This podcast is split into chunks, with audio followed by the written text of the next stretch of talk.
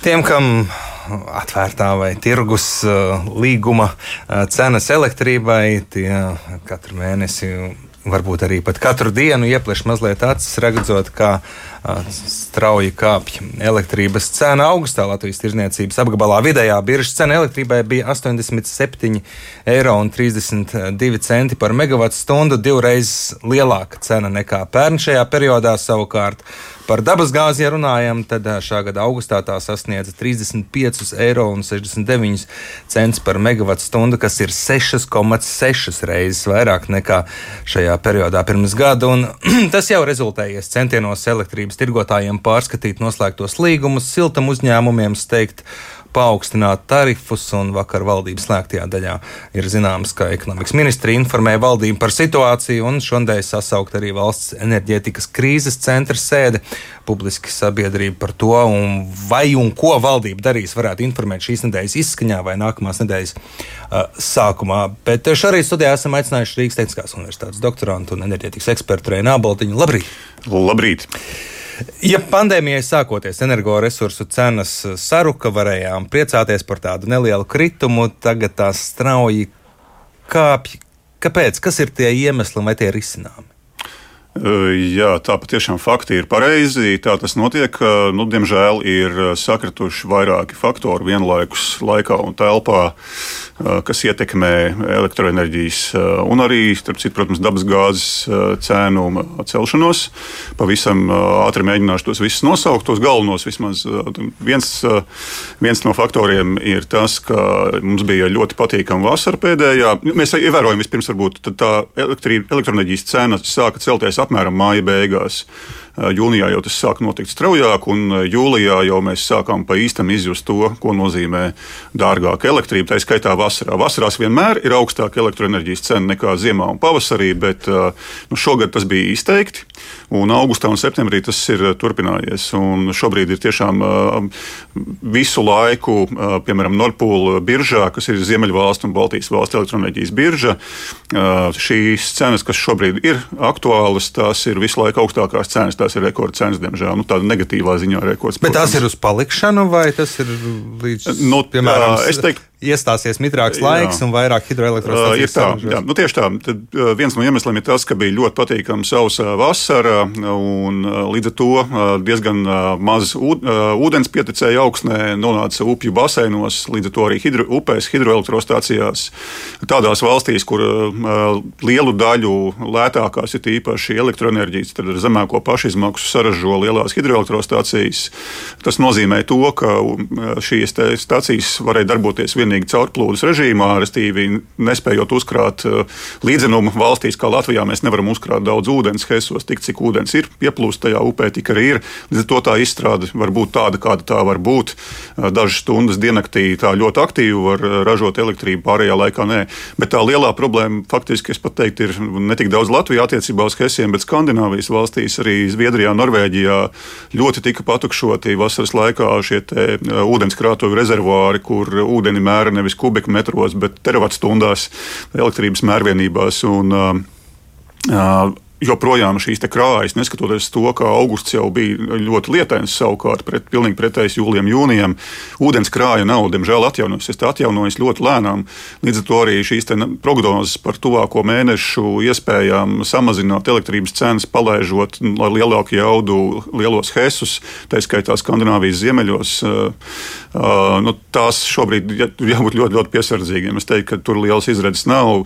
Parasti vēsturiskie dati rāda, ka pat ja tā nu, nu, nokrišņu intensitāte ir tāda normāla, sezonāla, tad uh, šī ūdens krāja atjaunojas lēnām. Nu, tie ir vismaz 3-4 mēneši, kamēr atkal var sasniegt normālu līmeni. Tā šī ziema būs jāpārlaiž ar augstām elektrības cenām. Jā, nu, tā it kā skaidrs. nepietikt ar to, ka ūdens bija maz, un tā varētu teikt, ir uh, nu, šī augstā cena lielā mērā ir maksa par to skaisto karsto vasaru, kas bija jā, tā paradoxālā kārtā. Vēl viena lieta, kas saistīta ar klimatu meteoroloģiskiem apstākļiem, tas, ka stipri vājāk un ar mazāku intensitāti un retāk pūta vējš. Baltijas jūras reģiona valstīs, kas, eh, kur eh, diezgan daudz elektroenerģijas eh, ar labu ražošanas pašizmaksu spēj saražot vēja enerģiju, vēja elektrostācijas. Vējš ir šogad pūtis salīdzinoši vāji. Un, Tas, diemžēl, un tas, starp citu, ir bijis raksturīgi arī pārējā Eiropas daļā. Tās, tajās valstīs, kur ir liela vēja elektrostaciju daļa enerģijas ražošanā, protams, tas ir atstājis iespaidu. Vienīgā lieta ir tā, ka nu, daudzas vēja elektrostacijas ir kļuvušas savā ziņā daudz konkurētspējīgākas ar, piemēram, fosilā kurināmā elektrostacijām, jo, protams, ka fosilā kurināmā cenas, un tas ir trešais faktors, arī ir gājušas augšā. Faktiski es pat teiktu, ka dabas gāzes cenas celšanās globālās gāzes tirgus konjunktūras rezultātā ir savā ziņā pat primārāks iemesls nekā varbūt vējš vai, vai hidroelektrostāciju nepietiekamais, nepietiekamais ūdens hidroelektrostācijās. Vienkārši pagājušā ziema bija diezgan vēsa salīdzinot ar vairākām ziemām pirms tam pasaules līmenī lielākie tādi patēriņa tirgi vai tie nu, pievilcīgākie patēriņa tirgi, ko sauc par prime markets angļu valodā. Jā, bet, lai kādi, būtu, bet, lai kādi būtu jā. iemesli, cilvēks, kurš saņem jā, jā. rēķinu, viņš, protams, var atrast, ko vainot. Mēs tagad zinām nu, iemeslus, bet jā. redzam, ekonomikas ministrija ietvaldībā stāsta enerģētikas krīzes vadības padomas sēdi ir sasauktā Vai un ko var ar šo cenu kāpumu valsts iesākt un darīt? Jā, uh, viens ievateikums, proti, Latvijai šī situācija, Lestīgi Latvijā, Latvija nav unikāla šajā situācijā. Situācija ir tāda gan Baltijas valstīs pārējās, gan arī visā Baltijas jūras reģionā, gan arī visā Eiropā patiesībā, un arī ārpus Eiropas citos kontinentos. Tā ir krīze. Uh, cenu ziņā nu, tā, tā ir ļoti neparasta situācija. Tā līdz šim uh, gluži nav bijis. Jā. Uh, ir bijušas naftas cenas, kad ļoti strauji uzkāpja uh, dažādu uh, notikumu rezultātā, bet tā kā elektroenerģijas cenas tieši uh, specifiski paceļās tik augstu un tik strauji, tā līdz šim nav bijis. Līdz ar to tā situācija ir unikāla mums pilnīgi visiem Eiropā. Un, jāsaka tā, ka tur nu, nav tāda tieša politiska konteksta šim cenu kāpumam pirmo reizi. Līdz ar to nevar pārmest, ka kāds tur politiski ir manipulējis un uh, piespiedzis celt cenas, un tagad varam politiski mēģināt tās samazināt. Uh, tā, diemžēl, ir bijusi nu, tā tirgus dinamika. Uh, ļoti nelabvēlīgi sakritusi tirgus dinamika. Uh, kā uzvedās lielie ražotāji, tas ir cits jautājums. Bet tas, ko var darīt, nu, šobrīd uh, tā unikālā situācija, tas unikālums šajā situācijā nozīmē to, ka nevienam nav gatavs recepts, uh, kā būtu uh, pareizāk rīkoties. Un, vienīgi var teikt, ka pēdējās nedēļas laikā plus mīnus ir izskanējuši dažādi viedokļi par to, ko varētu darīt. Enerģijas uzņēmumi, kuru uh, enerģijas ražošanas vai resursu portfelī galveno lomu ieņem, piemēram, dabasgāze, kurai joprojām būtiska loma ir Eiropas Savienības valstīs arī elektroenerģijas, ne tikai siltuma ražošanai. Uh, ir piedāvājuši, ka jāsamazina, piemēram, vidas nodokļi. Uh, ir citi ir teikuši no industrijas puses, ka ir jāsamazina Uh, ir jāpalaiž tirgu vairāk šīs uh, CO2 vai ogļu dioksīda piešķīruma vienības, uh, lai samazinātu to CO2 cenu, kas ir vēl viens iemesls, kas ir pacēlis tieši fosilā kurināmā izmaksas. Tas ir rekorda augsts - 60 eiro par tonu. Pirms dažiem gadiem bija tikai 5 līdz 7 eiro par tonu. Respektīvi, varēja kurināt fosilo kurināmo uz brīdi atcelt Eiropas zaļo kursu. Precīzi, jā, bet šajā brīdī iznāk nu, tāds savā ziņā paradoks un daudz brīdina teiksim, no industrijas puses, ka nu, šī augstā, šis ierobežotais CO2 uh, piešķīrumu skaits ir ļoti paceļ, paceļ šo CO2 cenu par tonu. Un, liek ražotājiem, kuri līdz šim varbūt komersantiem, kur līdz šim izmantojuši varbūt vairāk eh, tādu tīrāku fosilo kurināmo, kā dabas gāzi, varbūt citus uh, resursus, vēl uh, pāriet atpakaļ uz ogļu izmantošanu elektroenerģijas ražošanā. Tādiem žēl notiek, un tas nozīmē, akal, ka ir vairāk CO2 izmešu, un tas kvotu vai piešķīrumu skaits nemainās. Tas dzen, tā kā ir tāds aburtais lokus, kur viens, viena krīze dzen otru. Ko Latvijā valdība var darīt? Kas ir tās rīcībā esošie instrumenti, ko, tie, ko tā var reāli? Jā, nu, tie instrumenti ir ir nu, pārāk daudz nav. Dažādas iespējas, protams, ir. Mēs zinām, ka Lielbritānijā nu, apsver iespēju samazināt uh, nodokļus uz, uz periodu, vai tas būtu akcijas nodoklis, vai tas būtu šīs vidas nodoklis, ko uz laiku varētu mazliet samazināt. Arī Spānijas valdība ir diskutējusi par to, ka varētu atvieglot, piemēram, mājasemniecību maksājumus kaut kādā veidā samazinot kādu no nodokļiem, kas ietekmē gala maksājumu. Protams, ka tirgus cena cenu samazināt politiski nav iespējams. Politiski var samazināt tikai tās rēķina daļas, kuras var administratīvi uh, mainīt, un tas notiek jebkurā gadījumā periodiski. To nacionālajie regulātori dara uh, vai, vai apstiprina, precīzāk sakot, pēc uh, energokompāniju ieteikumiem. Bet uh, nu, šajā situācijā tie instrumenti varētu būt saistīti vai nu ar nodokļiem, ir jāskatās, kuram nodoklim varētu, kur nodokli varētu samazināt. Tas ir skaidrs, ka finanšu ministrijai nekas tāds nepatīk, kas būtu saistīts ar ķeršanos pie nodokļiem, tīpaši tagad, kad ir budžets.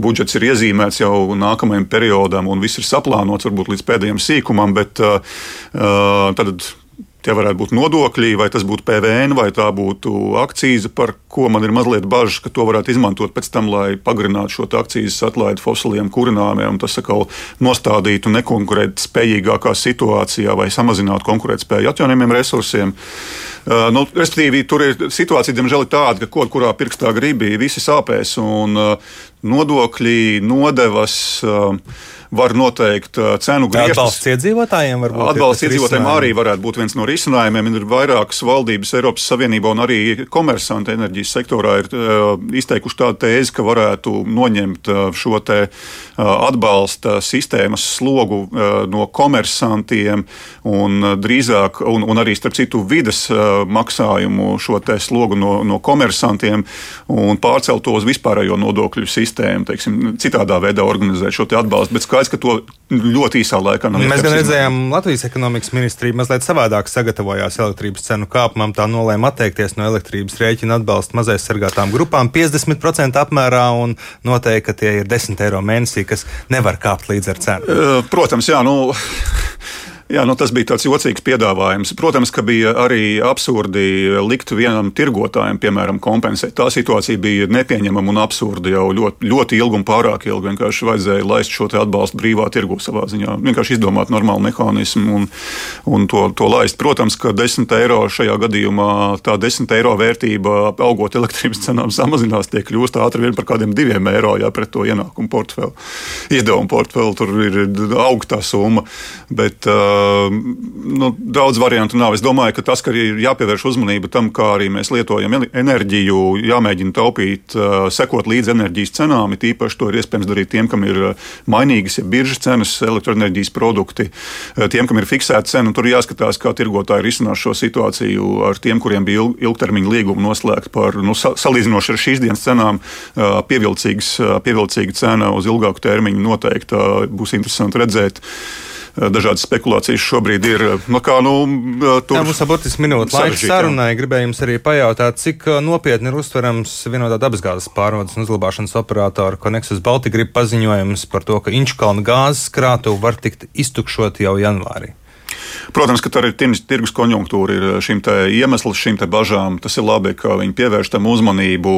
To, vai tas reāli notiks vai nē, ir grūti spriest. Es pieņemu, ka varētu būt, ka notiek kaut kāds pārunas operatoram ar lielākajiem krātuves jaudu nomātājiem.